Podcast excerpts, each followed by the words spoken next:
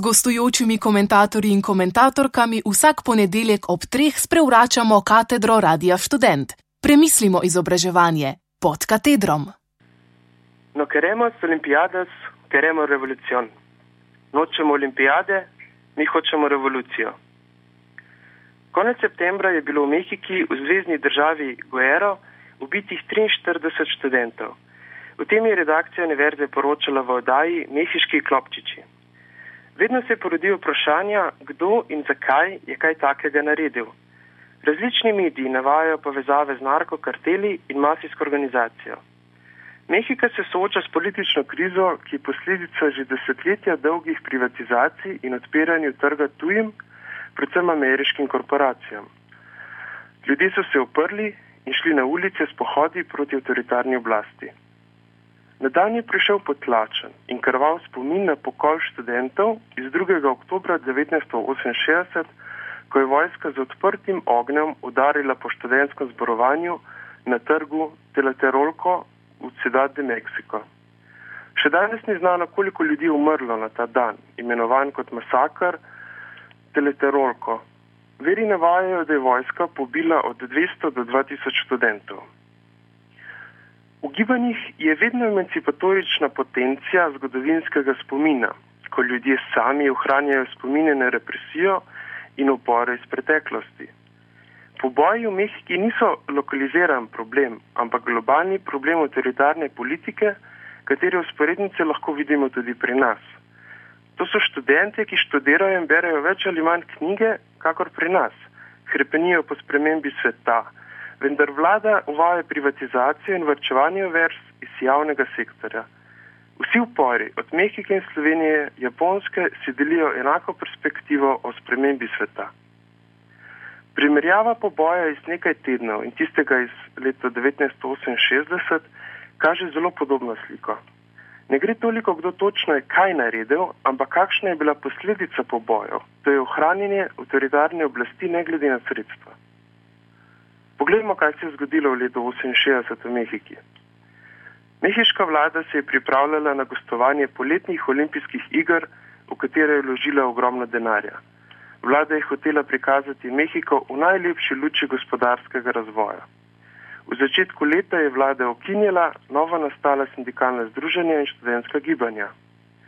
Zato so poleti 68 študente organizirali protesti proti vladi na 70 univerzah. Zagovarjali so enakost socialnih, izobraževalnih in ekonomskih pravic. Julija je policija silo vstopila na univerze in zaprla voditelje gibanj, ampak protesti so se nadaljevali. Vedno več pohodov, protestov in okupacij univerz skupaj z delovskimi gibanji je zahtevalo odstop vlade ter socialne reforme v državi. Rast emancipacije je dosegel na dan 2. oktobra ko je več tisoč glavna množica zbrala, se zbrala na glavnem trgu. Vzklikali so, no, queremos olimpiados, queremos revolucion. Nočemo olimpijade, mi hočemo revolucijo. Vlada je za varnost poklicala vojsko. Ta je obkolila trg s pehoto in tanki na vhodnih točkah. Ljudje so protestirali mirno in vzklikali svoja gesla. Trg preleti helikopter, na kar se zaslišijo streli. Vrhovni general vojske Jose Hernandez Toledo je ranjen.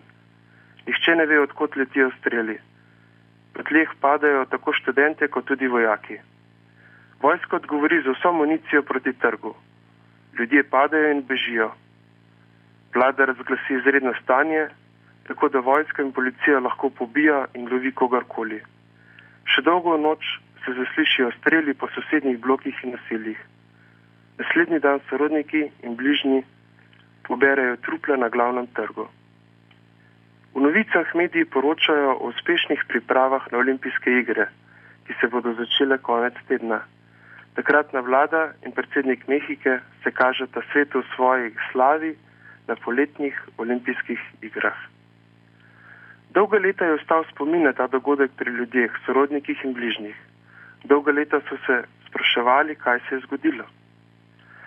Profesorica političnih znanosti Denise Dressler iz Avtonomnega inštituta za tehnologijo Mehike in Kate Doyle, višja analitičarka pri Nacionalnem varnostnem arhivu v Washingtonu, sta po 40 letih zbrala dejstva o tem dogodku.